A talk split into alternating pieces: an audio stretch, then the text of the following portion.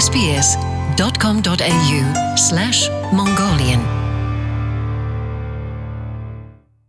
За сонсогч та бүхнийхээ энэ өдрийн халуун мэндийг SBS радио студиэс айлтхан мэдчилж байна. Өнгөрсөн 7 хоногоос эхлээд SBS радиогоос монголчуудынхаа ажил амьдрал Австрали улсад хэрхэн аж төрж байгааг энд амьдарч байгаа залуучуудаа гэлтгүү нааш хэрэг зорилготой одоо Новон ТV-г судалж байгаа хүмүүст зориулан 3 цуврал подкаст бэлтгэн хүргэж байгаа байлаа. Энэхүү нэвтрүүлгүүдийнхаа хүрээнд Австрали улсад амжилттай ажиллаж амьдарч байгаа монголчуудынхаа туршлагаас та бүхэндээ хүргэж байгаа. Хоёр дахь удаагийн цуврал нэвтрүүлгийнхаа хүндэт зочнороо монголчууд бидний дундаас өөрийнхөө загварын ертөнцийг дэлхийн загварын тавцанд амжилттай гаргаад брэнд бүтээгдэхүүнүүдэд зөвхөн австралч гэлтгүү хит хідэн өөр оронд нэвтрүүлсэн мундаг эмэгтэй оролцож байна. Аа за та бүхэн одоо ерөнхийдөө гадарсан бах олон баяр овогтой оюун цэцэг за овгийн маань манай студид хүрэлцэн ирсэн байна. За баярлалаа. Намайг өрч өнөөдөр нэвтрүүлэгт оруулж байгаа Данид баярлалаа. Сонсож байгаа бүх сонсогчдаа мөн маш их баярлалаа. Санаа чи юу тань? За ажил ихтэй гүсээр л гүсээр л. Тийм. Огийн тэгээд гүсээрээ гал таард юм дөө. Ерөнхийдөө Австралид суурин байна уу? Ийш тийш явж гинэ? А ер нь бол суурин ажилтаа байгаа одоо. Гэхдээ 9 сар 10 сар бол тэр чигтээ гадагшаа ажлуудтай байгаа. Аа. Тийм. Энэ жил ихтэй баг 3 4 өөр улсаар бас л ажилтаа явсан юм шүү. Тэгэхээр яг холын замд мортохоос өмнө амжиж барьж авсан биз дээ. Бараг тэглээ. За Австрали улсад амьдардаг монголчууд ерөнхийдөө баг бүгдээрээ огийг мэдж байгаа те. Австрали улсад юу хийдгийг а өөрийнхөө брендийг амжилттай одоо олон олон зах зээлд нэвтрүүлсэн. За тэгээд энтхийн IT буюу мэдээлэл технологийн салбарт одоо өдөр төвшний албан тушаал эрхэлдэг гэдгийг мэднэ. За Австралид ирэхээс өмнө Монголд юу хийдэг байсан бэ? Би ерөөхдөө ингэсэн байлаа. Яг бодоод байсан чинь 13 настайгаас эхлээ ажил хийсэн байна. А яасан гэхээр манай ээж аваа чи одоо монголчууд хэлдгээр тэ нөгөө дамын 8 чинь 8 8 чинь манай ээж 1989 оноос эхлээд 8-нд ороод аа тэгээд одоо эхний жилүүддээ бол тэрийг угаасаа 8-ачд л гин. Дараа нь яг тэр нь арай өргөжөөд өөр болоод мэдээж уналт босолттой. Гэхдээ компани болоод өргөжөөд арай өөр төвшний хийгээ явж байгаа. Гэхдээ анх эхэлсэн юм дамын 8-ач. За Тэгээд би яаж одоо тэрэнд нь орсон бэ гэхээр манай ээж аваар одоо тухайн үед чинь нөгөө зах дээр бүтээгдэхүүнээ борлуулдаг. Манай аав одоо жишээлбэл Польш руу, Хятад руу, Орос руу ингээ яваад ирсэн өдрөө манай ээж ингээд нөгөө мөнгөний гаргацсан буцаагаад аав явдаг гэсэн байхгүй юу. Тэгэхээр манай ээжид ерөөсө туслах хүн хэрэгтэй байсан. Тэгээд би тусалж ила 13 наснаас эхлээд. Тэгээ бүтээгдэхүүнийг хамт зарлцсан. Бас ээж аваар нөгөө мэлхийн нинжата путулк анх солонгост үйлдвэрлэж оруулж ирээд тэрийг би худалдаалдаг. Тэр нь ерөөсөө а одоо санахна 550 төгрөгийн үнэтэй байсан нэг ширхэг нь. Тэгээд би өдөрт бүр одоо яг хэдийг зардаг гэсэн мэдгүй ямар та сая энэ төр төгрөг бол хийчдэг байсан. Тухайн үед штэ. Тэгээд нөгөө хөдөөнөөс хүмүүс орж ирэхээр тэр нөгөө дааван подолк байсан учраас ер нь нэг хүн авахуд л ер нь хамгийн доотлон 6 ч юм уу те нэг тэгж авдаг. Олноор ингээ авдаг гэсэн учраас анхны миний одоо ажил хийсэн ажлын гараа ерөөсөө л аав ээж хоёртой туслаад нөгөө 8 ээж эхэлсэн байх нь байна. Тийм тэгээд анх эхэлсэн юм байна. Ерөөсөө тусалсан.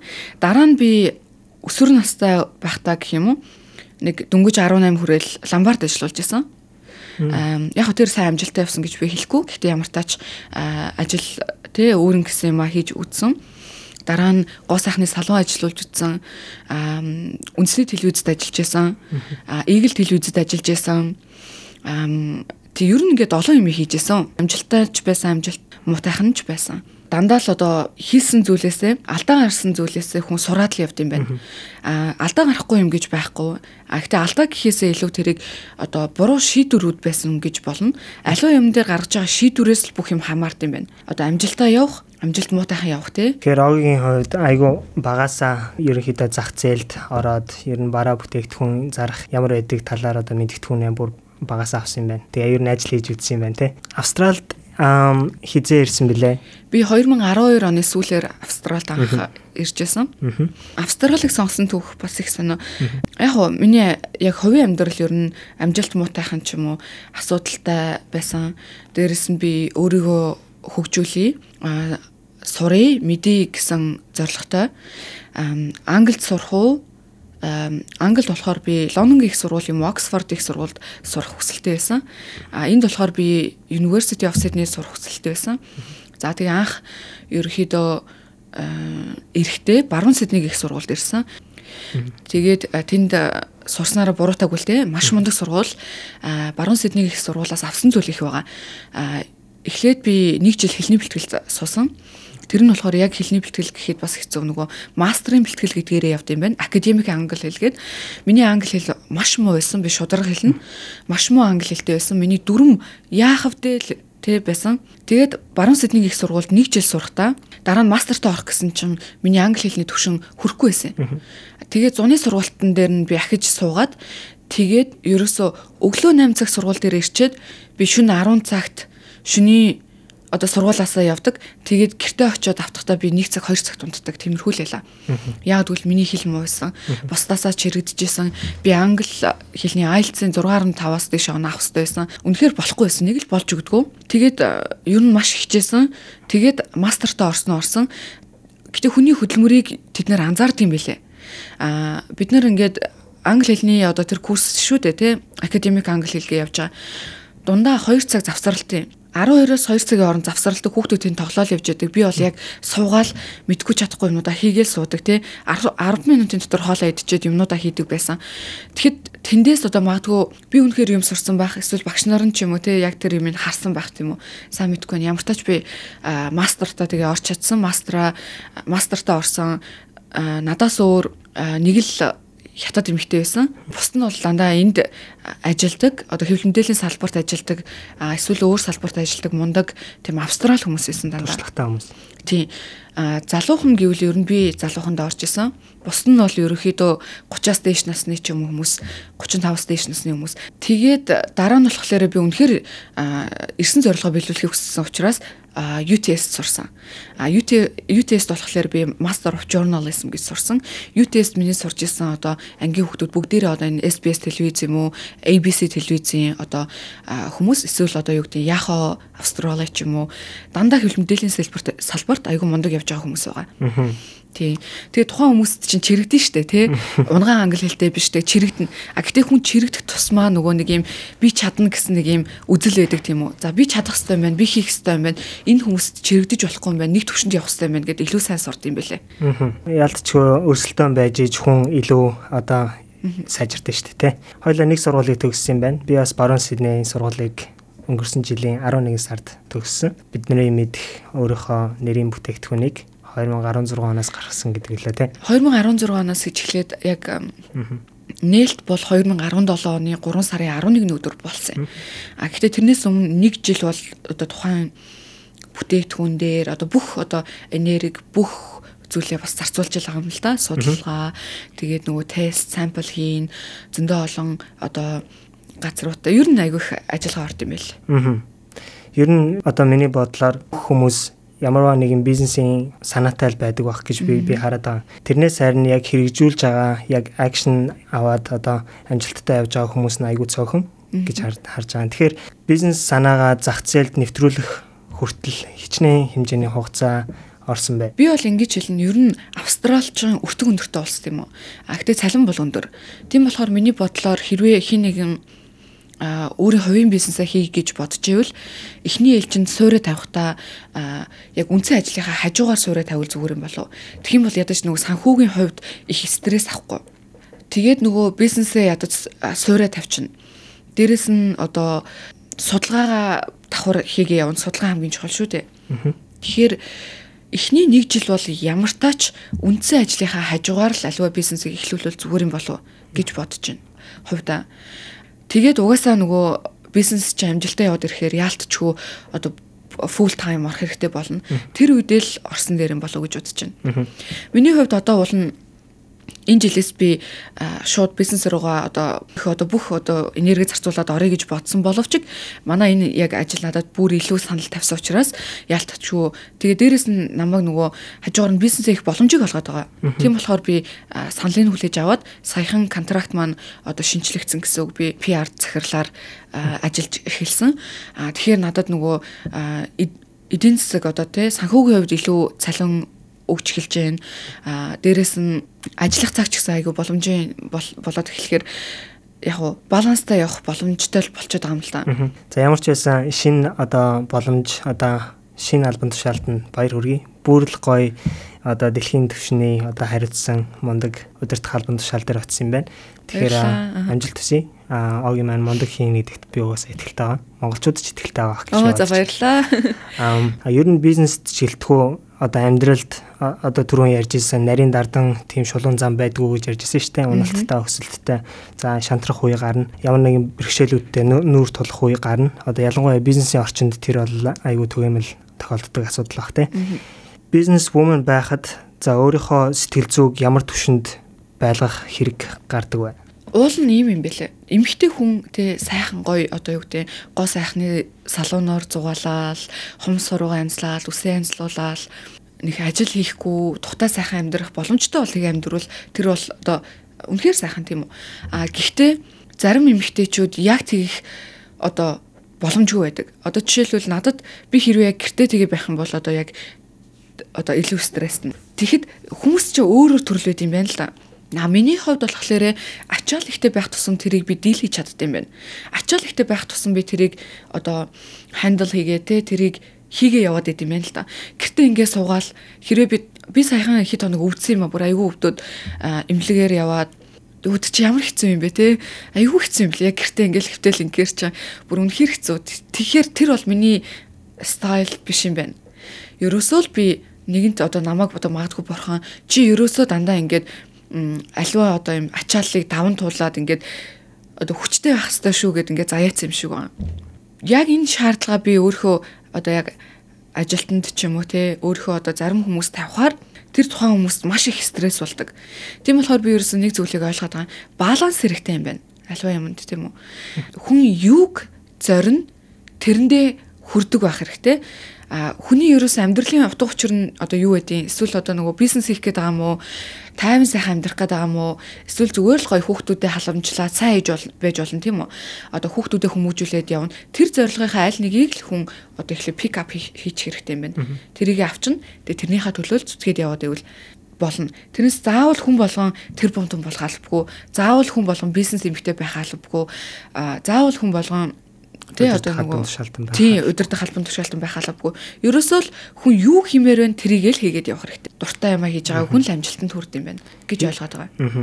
Аа Австралид байгаа эмэгтэйчүүдэд би нэг зөвлөгөө өгөх юмсан л гэж бодоод яваад байдیں۔ Юу вэ гэхээр за би эмэгтэйчүүд гэж их ярьдаг хүн л дээ. Аль нь эрэгтэй эмэгтэй ялгаагүй а ийм юм байна. Ерөөсөө яг үнэндээ Монголоос Австралид ирж байгаа хүмүүс маш өндөр боловсралтай хүмүүс байгаа. А Монголд одоо юу гэдэг мэрэгчлэр ажилласан хүмүүс байдаг ихвчлэн. Тэр хүмүүс ирчээд одоо цэвэрлэгээний ажил дээр хийж гин, барилга дээр их ажиллаж гин. Зарим визагаас шалтгаалаад яг хүссэн ажлаа хийж чадахгүй байна тий шудраг штэ бид нар. Тэрийг заавал чадахгүй байгаа юм дээр тэгж тэгэх боломж нь олдохгүй байхад бид нар хийгээд байна гэж худлаа яриад яах вэ. Гэтэ тэр хүмүүст боломж байгаа. А хэрвээ цэвэрлэгэн дээр ажилладаг хүмүүс бол эхний ээлжинд одоо юу гэдэг community одоо work ч юм уу тий ямар нэгэн байдлаар одоо хүмүүлийн ажлууд дээр одоо 7 ногт нэг өдрийг бүр бүтэн цагаар тийм үү бүтэн өдрөөр шууд зарцуулаад одоо тэрийг яг тууштай хийх хүн ховорхон байдаг. Нэг сар хийгээл тий хоёр сар хийгээ за яшгаа би одоо юу хийхгүй байна тэр цалиа авахгүй ингэж хийгээд ах хэрэгтэй ч юм уу гүч юм уу гэж байлдаг. 6 сар хийгээ байлдаг, 1 жил хийгээ байлдаг тий. Үгүй ээ, тэрнээс илүү хийх хэрэгтэй. Бид нар ялгаагүй одоо жишээлбэл эхний ээлжинд би рак корпод ажиллахдаа одоо 5 өдөр ажиллаж иж би 2 өдрийн цалиа авдаг гэсэн байхгүй юу? Тэгээд би шантруул шантархал байсан. А гэтэл би шантарахгүй тий би чаднаа болно гэд бүр бүтэн жил тэгж явсан. А бүтэн жил тэгж явахдаа гэхдээ яг мэдээж хэрэг нөгөө төсөл дээр ажиллаад би урамшуул цалингаа бол авсан. Төсөл дээр ажиллахад би илүү цагаар ажилласан ажилласан маш удаан 6 сар тий тэрэнд чинь маш их ачаалтаа ажилладаг би ерөөсө шантраагүй. Миний ганцхан давуу тал би шантрахгүй. За би чадна энийхээ ард гарна гэж явдаг учраас аливаа нэг амжилтын үзүүрээс нь гэж атгаж авд юм болов уу гэж бодоод байгаа. Тэг гэхээр боломж байгаа. Боломжийг атгаж ав. Боломж нь гарвал шууд хийгээд яв одоо хамаагүй нэг газар хоёрхан өдрийн цалин аваад 5 өдөр ажилласан ч хамаагүй. Хэрвээ тэр газараас чи цаашид ажиллах боломж байна гэдгийг олж авч харж чадах юм бол хий тэ? Тэгсээр жилийн дараа магадгүй чи бүтэн цагийн ажилтан болно. 2 жилийн дараа менежерийн төвшөнд очиж магадгүй. 5 жилийн дараа ч менежерийн төвшөнд очиж магадгүй. Гэтэл тэр чинь амжилт шүү дээ тэ энэ бүтэн цагийн ажил аваад дуртай ажиллаа хийгээд явна гэдэг чинь давуу тал. Тэгэл өөрийнхөө ажил амьдралаа баг багаар дэвшлүүлээд явна гэсэн үг. Тэрнээс ш нэг өдөр шууд те айгүй мундаг ажлын санал аваад шууд тэрийгэ хийгээд явна гэж байхгүй. Юм багаас эхэлдэг, баг багаар хий. Дээрээс нь яг мэрэгжлийн ажлыг хий гэж бодож байвал яг мэрэгжлийн ажилтай холбоотой интерншип тийм үү? Үнгүй ажилласан чи яад нэг өдөр. Тэг хүмүүс тэгдэм байлээ. Үнгүй ажиллана гэж юу байдیں۔ Угаасаа баг цэвэрлэгээний ажил хийгээд 25 доллар цагт авж гин тийм үү? 30 доллар хагасаа бүтэн сайн авч ийн эсвэл 20 доллар авч ийн тэгж яхад би яхаараа нэг өдөр өнгөө зарцуулах хэрэгтэй ингэж зарим хүмүүс бодоод байгаа. Үгүй тэг чим үнгүү ажиллаж байгаа юм биш. Юм болгон мөнгөөр хэмжигддэг юм биш тийм үү? А зарим юм чинь мөнгөөр бус хэмжигддэг юмнууд байна. Гисэн хідэж тэр амьдралд чинь өрөөгөөжөө өгөх юмнууд байна. Тийм болохоор ерөөсөө төлөвлөгөөгөө гарга. 5 жилээр гарга улирлаар нь гарга тий дараа нь сараар нь гарга 7 хоногор нь гарга цагаар нь гарга өдрөөр нь гарга тийм үү? Ингээд явбал илүү амжилттай байх юм болов гэж би хараад байгаа Яг санал нэгдэж байна л да. Яг түрүүний хэлжсэн монголчууд өндөр боловсралтай ирдэг гэдэг тал дээр бүрс одоо эндхийн судалгаа байдаг. Монголчуудын яг одоо одоо Австралид байгаа нийгмийг аваад үзэхэд дандаа залуучууд 25-аас 29 за 30 эдтэй залуучууд ч гэдэм үү ирсэн байдаг. Австралчуудын нийт хүн амын боловсролын түвшнээс өндөр одоо боловсролын түвшинтэй тийм хүмүүс байдаг. Туршлагатай бас хүмүүс байдаг. Түрүүний яг хэлжсэн гол зорилгоо бити март гэдэг чинь айгүй одоо хүмүүст хэрэгтэй ах л та. Австралийн ер нь амьдралын хэм маяг яг тийм штэ тий 7 7 хоногоор аягүй цагчуу тий. Тэгээд угаасаа биел хүрээд ирдэг төлхөл өстой учраас бид нар мэдээж хэрэг мөнгө хэрэгтэй. Гэтэ давхар баланс хэрэгтэй. А үнэхээр тийм өндөр боловсралтай байжээж насан турштай биш. Уу насан турштай ч юу юм гэтэ энэ байгаа хугацаанд дандаа л юу гэдэг цэвэрлэгээний ажил хийгээл яваад байвал мэдээж хэрэг ажил хийж ин мундаг. А цалингаа авч जैन тэр чин одоо сайхан. Гэхдээ тийм өндөр боловсралтай юм чин тийм үү? А буцаад давхар бодолтой байх хэрэгтэй нэгэн өдрийг тэр зүйлдээ зарцуулах хэрэгтэй. Жишээлбэл эмч хүн байж болно а цовлогч хүн байж болно энд одоо юу гэдэг цэвэрлэгээний ажил хийж болно тийм үү тэгэх юм бол тэр хүмүүс а 7 хоногийнхаа нэг өдрийг шууд юу гэдэг одоо нөгөө ахмадын асрамжин газар гэж байдаг штэ. Тийм газар ч юм уу шууд нөгөө үнгүй ажиллаж өгөх хэрэгтэй. А тэр нь буцаад яах вэ гэхээр нөгөө энд энд ажилласан ажлын туршлага болно. Хамаагүй мөнгөгүй ажилласан ч хамаагүй тэр чинь буцаад нөгөө нэг charity work хийдэг гэдгээрээ нөгөө CV дээр нь давуу талуудыг бий болгочдөг. Одоо ажилд авч байгаа хүн чинь тэрийг хараад тэр хүнийг үнэлэх байхгүй юу? А энэ хүн юу гэдэг ийм одоо юу гэдэг хүмүүлийн ажил хийжсэн байна мундаг юм юм хийсэн байна. Тэрийг идэвхтэй 1 жил хийсэн байна, 2 жил хийсэн байна, 3 жил хийсэн байна. Энэ хүн бол альва юмд тууштай хандах хүн байна гэдгийг бас харна. За хэрвээ одоо юу гэдэг багш хүн байж болно. Хэрвээ гэх юм бол тэр хүн одоо монгол хэлтэй одоо багш нарын ховорхон байгаа л да яг үнийг хэлэхэд хэрвээ багш хүн байх юм бол би юу гэж зөвлөх вэ гэвэл хүүхдийнхаа сургуульд нь одоо нэг өдрийг ч юм уу 2 7 хоногт нэг өдөр ч юм уу те өнгөө ажилдаг тийм хүн хүн нь. Тэгэх юм бол нөгөө буцаад тэр чин туршлага нь болно. Дээрээс нь ахаал саяны хэлдгээрээ давуу тал нь болно. Яваа явандаа тэр сургуульд ажиллах боломж нь олдно тийм үү. Тэгэхээр ерөнхийдөө яг ямар ажил хиймээр вэ тэрийгээ шууд плана гаргаад явуул зүгээр. Яг хиймээр байгаа ажилдаа өргөдөл өгөх хэрэгтэй. Би нэг өдөр өнгөө ажиллаж өгье. Эсвэл одоо юу гэдэг 7 хоногт нэг өдөр ажиллаж өгье. Би ийм ийм ийм туршлагатай. А гэхдээ миний хэл жоохон гологдсон. Гэтэ би одоо body language те өөртөө чи ямар нэгэн байдлаар ойлголцсноо гэдгээл маш сайн тайлбарлаад явуулах хэрэгтэй. Гэхдээ монгол хүмүүст маш их боломж байгаа. Би бол боломжийг ингээ хараад байгаа байхгүй юу. Гэхдээ бид нар үйлдэл хийхгүй байна. Өөрсдөө ихтгэлтэй биш байна. А дээрэс нь тууштай биш байна. Ийм юм байгаад байдаг бас хин нэг нь ингээл боломжийг яваал те ингэх юм бол тэр хүмүүсийнхаа одоо сайхан мөрөөдлийн ч юм уу те хийх бүтээх гэсэн юм унтраад байгаа. Чи тэрийг хийнэ гэж юу вэ? Зөндөө олон хилтэй хүмүүс байна гэдэг ч юм уу те хилний асуудал дээр нь ч юм уу визаныхын асуудал дээр ингээд ингээ унтраад байдаг. Тухайн хүмүүст нэг юм чадан шүү, болно шүү гэдэг итгэл байхгүй байгаад байна. Би нэг л зүйлийг хэлмээр байна. Монголчуудаа та нар чаднаа болно. Та нар маш өндөр боловсралтай. Энд зөндөө олон хүмүүс одоо маш мундаг ажил хийгээ яваад байна. Би ч тийм мундаг биш тийм үү? Би ч тийм мундаг англи хэлтэй байгаагүй. Би гэтээ одоо өнөөдөр удирдлагын төвшөнд те ийм мундаг ажлыг би хийгээ явж байна. Дээрээс нь би өөрийн одоо тий брэндээ ямартаач хүмүүст баг багаарч гэсэн хүргээд явж байна. Тэгэхээр анхнаасаа тийм мундаг англи хэлтэй байгаагүй. Би өнөөдөр ч гэсэн сураа явж байна. Тийм болохоор та нарт боломж байгаа шүү. Монголчуудаа та нар битгий ээ. Өөрөө өөртөө байгаа боломжийг шууд ингээд атгаад ав. Дээрээс нь өөртөө ихтгэлтэй бай. Тухайн одоо хөрмээр байгаа зорж байгаа зүйлдээ ерөөсөө л тууштай бай гэж бүр чин сэтгэлээсээ хүсэж гэн амжилт хүсэж гэн дээрэс нь боломжоо хар гэж бүр та дахин дахин хэлмээр байна. Бүр уриалж байна. Монголчуудын маань хувьд яг тэр анзаарагдаад ах шүү амаа те өөртөө итгэх итгэл гэдэг тал дээр ер нь бол монголчууд чинь жоохон бүрэг ичимхий. Хоёрдугаарт нэг жоохон жоохон их цаантай ч гэдэм үү яг шулуухан хэлэхэд те их цан байгаа шүү. Манайхан тэрийгээ бас дарах хэрэгтэй. Аливаа юмд уучлалт гуйж сурах хэрэгтэй тийм үү. Өөрийн буруу биш байсан ч уучлаарай гэдэг байх хэрэгтэй. Аа дээрэс нь одоо юм тулга торсон юм а болох хэрэгтэй. Юу гэдэг нэг 5 монгол хүний газар одоо гадаад хүний удирдлаганд ажиллаж иж болно. А магадгүй нэг хүн илүү сайн байгаад дарган ч юм уу тэр хүн сайн байж болно. Гэтэл нөгөө бусад хүмүүс нь тухайн сайн байгаад байгаа хүнийг ингээд доошоо их гэхээр муулдаг тийм үү. Энэ нь яаж ийнвэ гэхээр тэрийг хүн гэдгээр нь биш монгол хүн гэдгээр нь ив наримтлгүй байгааг нь харуулдаг. Дээрээс нь тэр муулуулад байгаа хүний биш нөгөө муулаад байгаа хүмүүсийг одоо маш муу байна гэдгийг нь харуулдаг. Тийм болохоор манайхан яах ёстой вэ гэхээр ерөөсөө энэ Австралийн одоо майндсет нь яаж ажилтг вэ гэхээр ерөөсөө хүний талаар ярьдгүү. Дандаа одоо ажлыг ярьдаг дандаа альва ямиг ингэж хийвэл болж гэн сайн талаар нь ярьдаг хэрвээ одоо ямар нэгэн алдаатай зүйл гарах юм бол тэрийг А энийг баг зэрэг одоо юу гэдэг дээшлүүлчихвэл те that would be better to fix this one гэдэг юм уу те нэг иймэрхүү байдлаар л авч үзэн тэрнээс тэрийг юу гэдэг бүр муу талаар нь авч хилэлцдэггүй. Тийм болохоор нэг ийм зүйлээ зан чанараа засах хэрэгтэй бид нар. Тийм. Илүү одоо нээлттэй болж ирэх хэрэгтэй юм шиг юм л да. Ялангуяа одоо шинэ улс оронд ирчээд өөрийнхөө бүрийг ичмхий байдлаас юм уу эсвэл өөрийнхөө их зантай байдлаас хүмүүстэй connection үүсгэж чадахгүй, өөрсөндөө боломж гаргаж ирж чадахгүй. За тэгээ мэдэхгүй юм асуухгүй одоо мэдэхгүй чигээрээ үлдэх гих гих мэд тийм юм их анзаарэгддэг л да.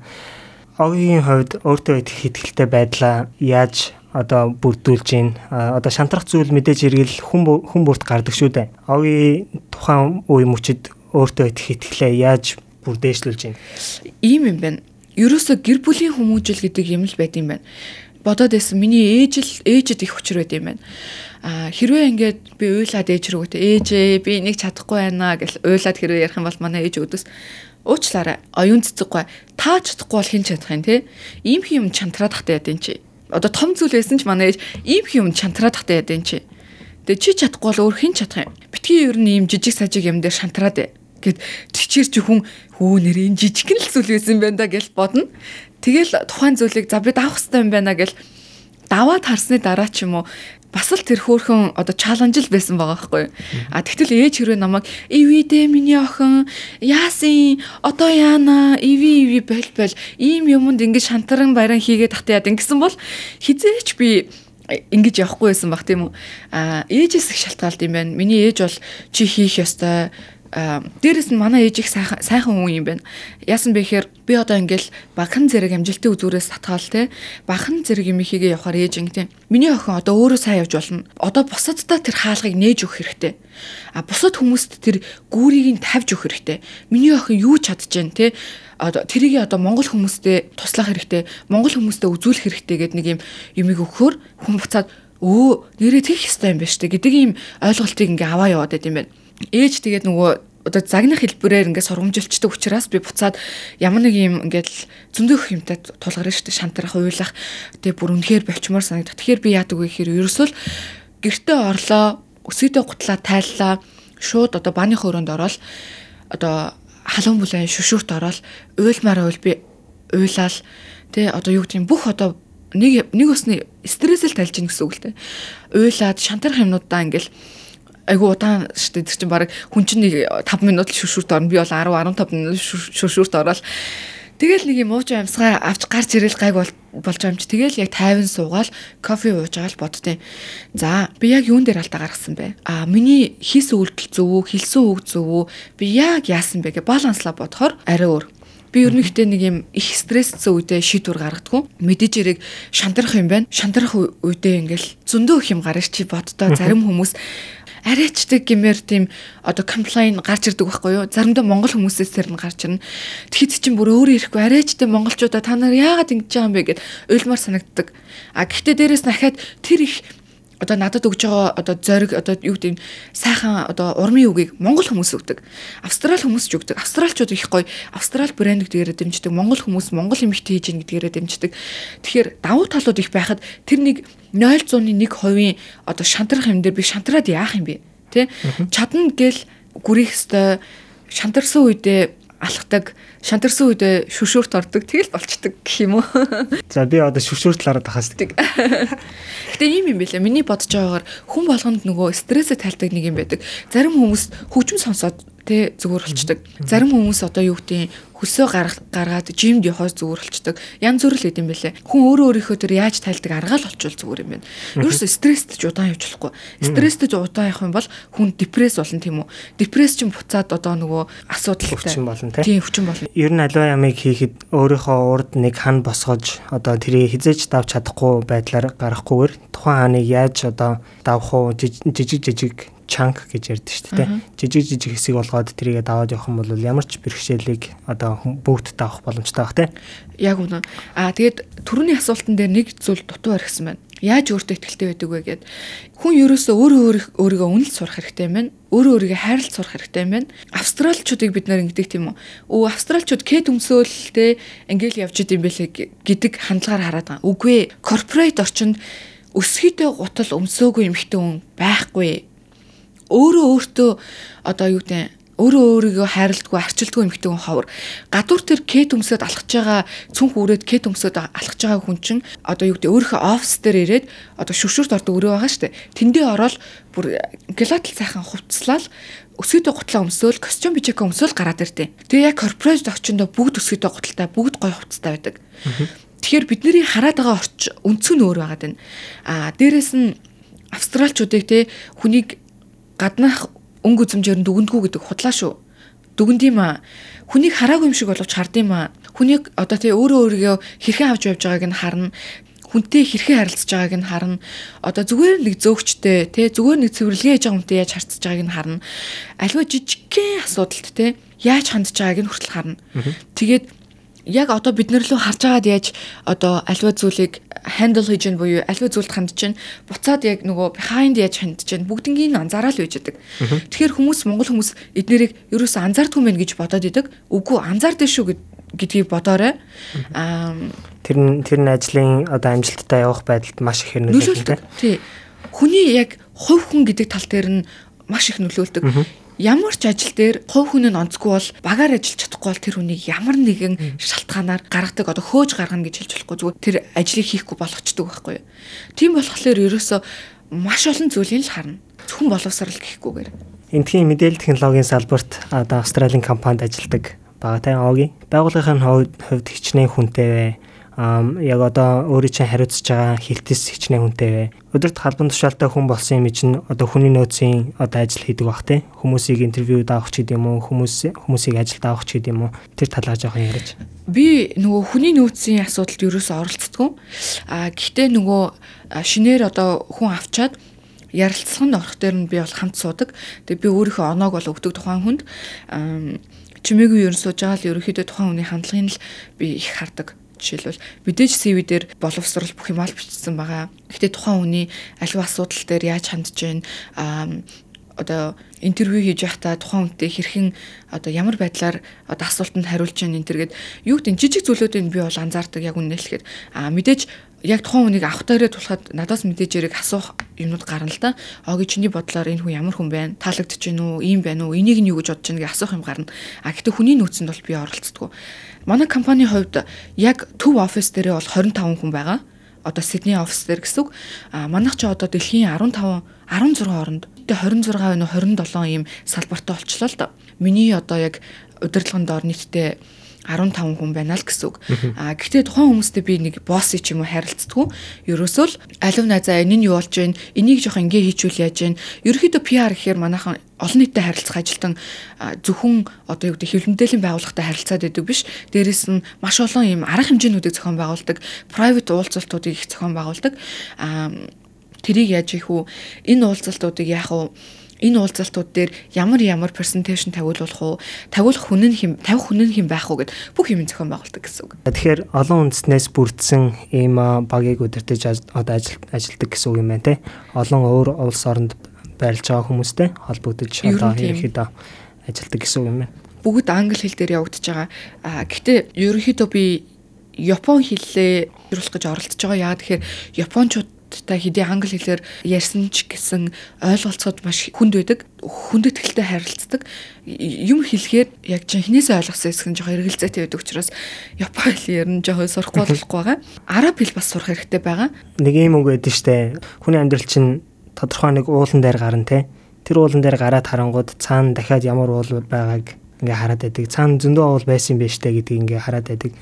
Огийн хувьд одоо яг хэдийн мундаг амжилттай ч гэсэн цаашаа дахиад өөрийгөө хөгжүүлэх тийм нийтэн зөндөө гарч ирж байна. Ер нь дахиад нөгөө коннекшноо илүү өргөжүүлэхийн тулд олгуулсан тавцанд илүү одоо өрсөлдөгч байхын тулд би дахиад бизнесийн удирдлагаар заавал ер нь сурыг гэж бодож байгаа. А тэр нь заавал мастер ч юм уу их хэрэггүй. А ерөөхдөө курс ч тийм үү нэг жилийн курс гэж болно. Тиймэрхүү курст ер нь сурвал зүгээр юм байна гэж би харж байгаа. Биднэрт сурах юм их бий олон хэл сурах хэрэгтэй юм байна гэж бодсон. Тэр нь заавал одоо академик төвшөнд сурах шаардлагагүй. Гэтэ ер нь хүмүүстэй ойлголцдог, тухайн хүмүүстэй сайхан сэтгэл төрүүлцдэг, аливаа хүмүүсийн ярьж байгаа юмыг ойлгодог хэмжээнд бас байх хэрэгтэй юм байна да гэж бодоод байгаа дээрэс нь хүн амжилттай байж болно гэхдээ бас аз жаргалтай байх хэрэгтэй тийм үү. Мундаг ажил хийгээд санхүүгийн хувьд эрх чөлөөтэй байж болно гэр бүлд тийм үү үр хүүхдэд хүүхдтэйг аз жаргалтай биш үйл хэцүү. Тэгэхээр дээрэс нь гэр бүлдээ заавал цаг гаргадаг байх хэрэгтэй юм байна. Би яг дараагийн асуултан дээрээ цагаа яаж зохион байгуулж чинь гэж яг асууж ирсэн. Аа за. Би бол ерөөхдөө хүүтэйгээ зарчимч ханддаг. Хүүгээ эрхлүүлэх үедээ эрхлүүлнэ. Хэрвээ бид хоёр ярилцаад өнөөдөр нэг цаг одоо тоглоом тоглоно гэсэн бол нэг цаг л тоглоно уучлаарай. Тэгээ мэдээж хэрэг би ингээл хүмүүс маань ахаад ээж 30 минут сонгочих гэтэн би тоглоулмаар л байгаа штэ. Хүүгээ хараад иви иви за тэгээ 30 минут дахиад тоглоулчих гэж бодсон ч анханасаа бид хоёрын ярилцсан одоо яриа тийм үү? Анханасаа нэг нэгэндээ одоо promise буюу үгээ те хэлээд за нэг л цаг тоглоё. Тэгээ хоёлаа дараа нь тэрийг хий гэд ярилцсан. Ярианда эзэн болоод за хоёлаа нэг цаг л гэсэн бол нэг цаг уучлаарай. За одоо болно гэж хэлж чадах хэмжээний байх хэрэгтэй юм байна те зарчимж байх хэрэгтэй юм байна гэдгийг ойлгосон. Тэгвэл хүүхд л бол хүүхд шүү дээ. Тийм болохоор ерөөсөө хүүхдтэйгээ зарчимж байдаг эрхлүүлэх үедээ хөрх эрхлүүлнэ халамжлах үедээ халамжлна аа тэгээ баг зэрэг баланстай байдаг хайртай хүнтэйгээ ч ялгаагүй. Харилцаа ерөөсө хүндлэлээр тогтох хэрэгтэй юм байна. Тухайн хүнийг би хүндэлж харилцдаг, тухайн хүний би карьерийг ойлгодог тий. Ямар нэг юм болоход хамтдаа аливаа ямиг ярилцаа шийддэг тий. Хин хэнийг хүндэлдэг л байх хэрэгтэй юм байна. А энэ хүнээс тийм юм бол харагддаггүй харагддаг. Намайг хүндэлдэг, миний карьерийг ойлгодог, хүндэлдэг, үр хөвгтийг минь хайрладаг. Бүх зүйл хүндлэлээр байх хэрэгтэй юм байна. Дээрэс нь хүнтэй хамт ажиллахтаа ч тэр хүнтэй харилцахтаа ч тэр хүндлэл байх хэрэгтэй юм байна. Харилцаа ер нь хүндлэлээр байх хэрэгтэй юм байна. Баланстай байх хэрэгтэй юм байна. Одоо жишээлбэл заримдаа монгол хүмүүсийн нэг ойлголт өгдөө дээ. Хүндлэлж харилцаж байгаа зүйлийг буруугаар ойлгоод нөгөө давраад те энэ одоо тэг вик болохоор ч юм уу те ингээд өөрийг ингээл илүү хэрэгтэй болохоор ингэж харилцаад байна гэж бодоод нэг жоохон тийм характер гарах гэдэг. Тэгэж юусоо болохгүй монгол хүмүүс. А бид бидний сул тал шүү дээ монгол хүмүүсийн. А юусоо альва юмыг хүн өөртөө чи хүндэлж харилцаж байна гэдэг чинь тэр хүн өөрт нь өөрөө өөрийгөө хүндлэх хүндлэл байгаа учраас өөртөө чи хүндэлж харилцаж байна гэдгийг ойлгодог байх хэрэгтэй. Тэгэхээр баланстай байгаарай гэж зөвлөмөр байна. Окей. Тэг амжилттай явж байгаа хүмүүсийн ард нь дандаа одоо тусалж дэмждэг жинхэнэ найз найзтай шүү дээ, тэ. Миний жишээн дээр ч гэсэн манай эхнэр байдаг. Би одоо жишээлбэл амжилттай нэг өдөр өнгөрлөө гэж бодоход буцаж очиод гэртээ одоо эхнэртэйгээ ярилцдаг ч гэдэм үү. Тэгэхээр байнгын харилцаа хэрэгтэй те. Огийн хувьд нэг өдөр одоо ямархуу байдалтай өнгөрж ийн нэг дүр зураг зурж өгвөл аа ер нь өдөр өдөр өөр л та. А даваа гарагийн хувьд одоо жишээлбэл би 6 цагт бослоо гэж бодъё. Би ч айгу хурдтай юм байхгүй юу. Чи одоо намайг хардаа үсээ янзалцсан нүрэ бодцсон байна тийм үү. Би ерөөсөө нүүр бодоход 9 минутаас илүү зарцуулахгүй 10 минутаас илүү зарцуулахгүй. За ерөөсөө тэгэл тэр чин амьдралын давтамж болчт юм билээ. Үсэн янзлах бол 10-аас 15 минутанд янзлна. Хугацаа өмсөд ингээд бэлэн болоход яг энэ зэрэгтэй бэлэн болоход бол ер нь 30 минут. Хамгийн удлаа гэхэд 35 минут болно. Зарим үед нөгөө бүр үнэхээр унтмаар үе ба штэ. Бүр үнэхээр унтмаар 30 минутаар илүү сэрүүлгээ тавьчлаа гэхэд би 5-аас 10 минутын дотор бэлэн болоод гарна. Нүрэ бодохгүйгээр гэсэн. Гэтэ үсэн янзлцдаг. Тийм. Эм өглөөний цагаа алгасахгүй зү би заримдаа өглөөний цай авахгүй нэг дутагдaltaй тал байгаад байгаа. ер нь яадаг вэ гэхээр өглөөд 2-оос 3 стакан ус уудаг. Заримдаа банан идээд гарна. Банан бол угаасаа хамгийн амархан бөгөөд нөгөө зөв одоо өглөөний цай болчдөг. Тэгэл кофегүй би өглөөгөө ерөөсөө хэлдэг. За тэгээ 6:30-д гарсан бол тэгээ кофегоо 5-10 минутын дотор цаатлынхаа кофе шопоос аваад Азтаа бол крест дагдаад явна. Аа жоохон аз дутаад унтсан байх юм бол автобусын суугаад ажил руугаа явдаг. За автобусын суугаад ажил руугаа явсан тохиолдолд би аль болох нөгөө хүмүүсийн асуултанд хариулахыг хичээдэг. Өглөөд нөгөө хүмүүсийн мессеж өгөөл байнга харна гэж байхгүй тий би магадгүй харсан байж болно хариулахгүй байх юм бол үнэхээр хөрх амьтан амжихгүй л гүйж гин гэсэн үг тий хүмүүст бол би ерөөсөө нөгөө юу гэдэг их зан гаргаад ч юм уу эсвэл ямар нэгэн байдлаар тийм хариулахгүй байх ямар ч шалтгаан байхгүй. Энэ бол миний ажил шүү дээ нэг бодлоо. Би ажил дээр очичин тийм. Ажлын цаг нь өөр байсан ч гэсэн өдөрт яг тэдэн цаг ажиллах хэрэгтэй бол би яг тэр цагтаа ажилладаг. За тэгээ нэгд өдөр бол ингээл маш их уулзалтай ингээл өнгөрнө. А тэнгуүтэ тавд өдөр аягүй нийттэй штэ. Тавд өдөр хэрвээ 8:30 ч юм уу 9:30 гэж хэллээ гэж бодсон ч гэсэн Австралийн одоо корпорат орчин бол 4:30 гэж тарчин. Тэгээ 4:30 гэж тарчаад шууд тэгээд юу яадгүй тарчихгүй Ажлаараа бол заавал нэг нэг глас ч юм уу, вайн уух ч юм уу, дандаа эрэгтэй хүмүүстэй ажиллаж байгаа нөгөө эрэгтэй хүмүүс ч бол пив уудаг тий бизнес уулзалт болсон ч гэсэн нэг нэг дринк уудаг нөгөө их нийтдээ штэ. Удлаа гэхэд 536 гэхэд тэгэл дуусаал харчин. За хоёлаа нэг алхам аргачлаад яг одоо менежерийн зүгээс ажилд орох ч байгаа хүмүүсээс одоо ямар зүйлүүдийг нь харддаг юм байна гэдэг тал дээр одоо Австралийн туршлагаас нь яриад хөө. За тэгээ би нэг жишээ бодож байна. Яг чамайг асуулт асууж байгаа хооронд бодож байла. Менежментийн төвшөнд одоо хүн ажилд авах байлаа гэж бодъё л доо. Одоо маш олон хүмүүс анкет бүглэж орж байгаа тийм үү? CV-гээ явуулж байгаа. Аа ингээд шигшээд нэг 5 хүн үлдэн тийм үү? Тэнгүүт тэр 5 хүний материалыг л одоо яг үнэхээр ажил авах гэж байгаа хүн нь үздэг.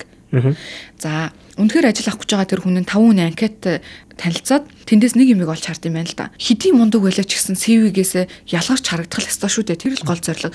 Тэгээд одоо жишээлбэл аа бараг мянган хүн тийш аплай хийж байгаа тийм үү.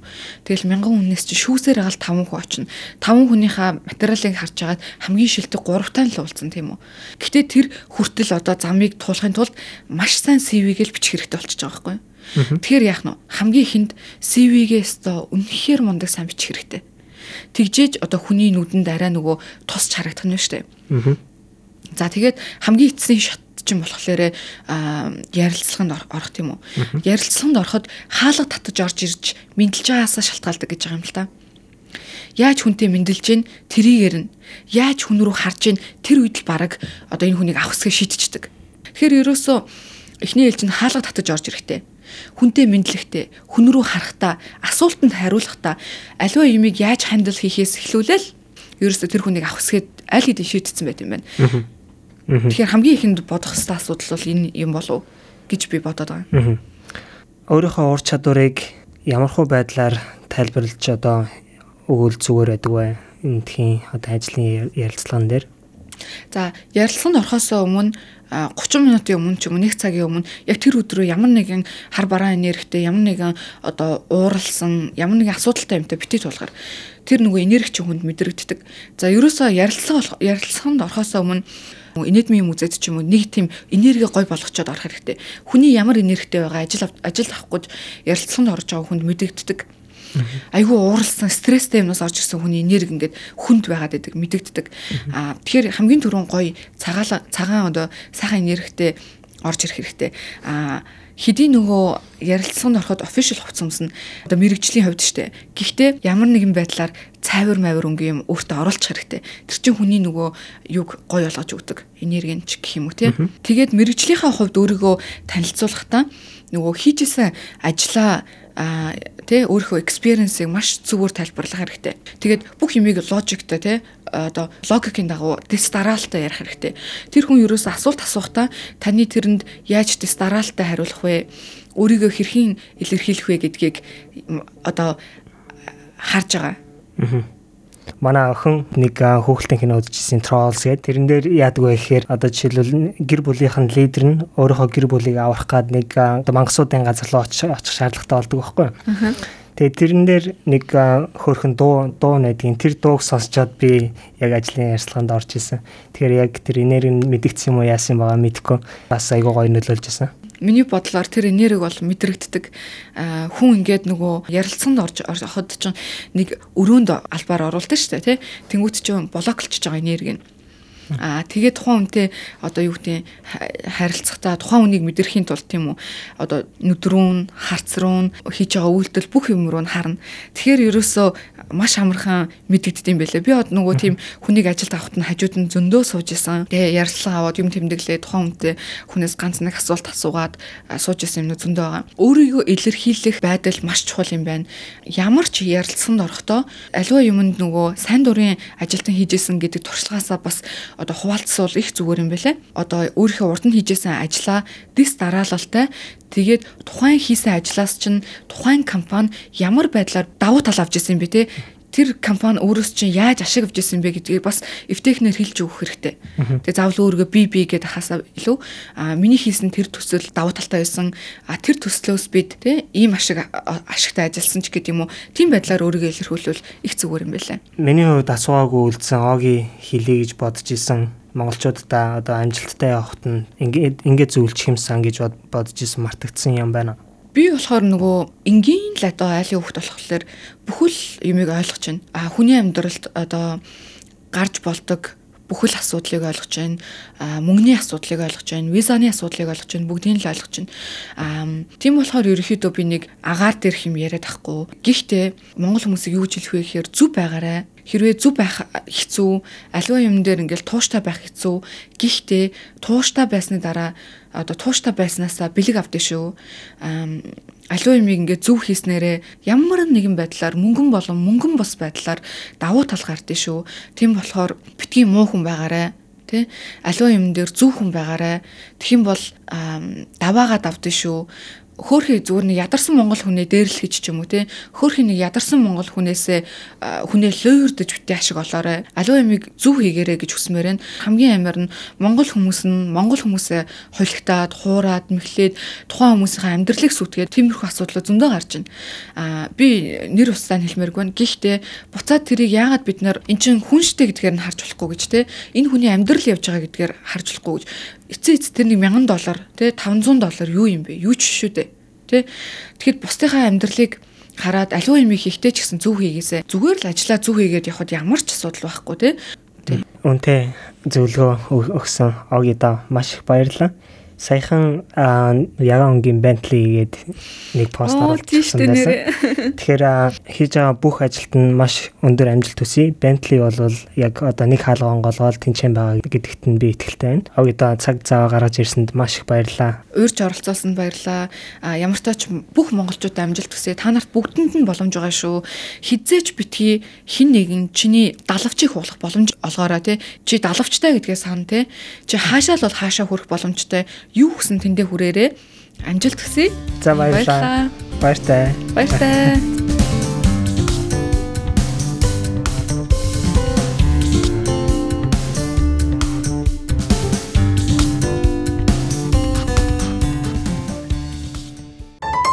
SBS Mongolian Welcome home.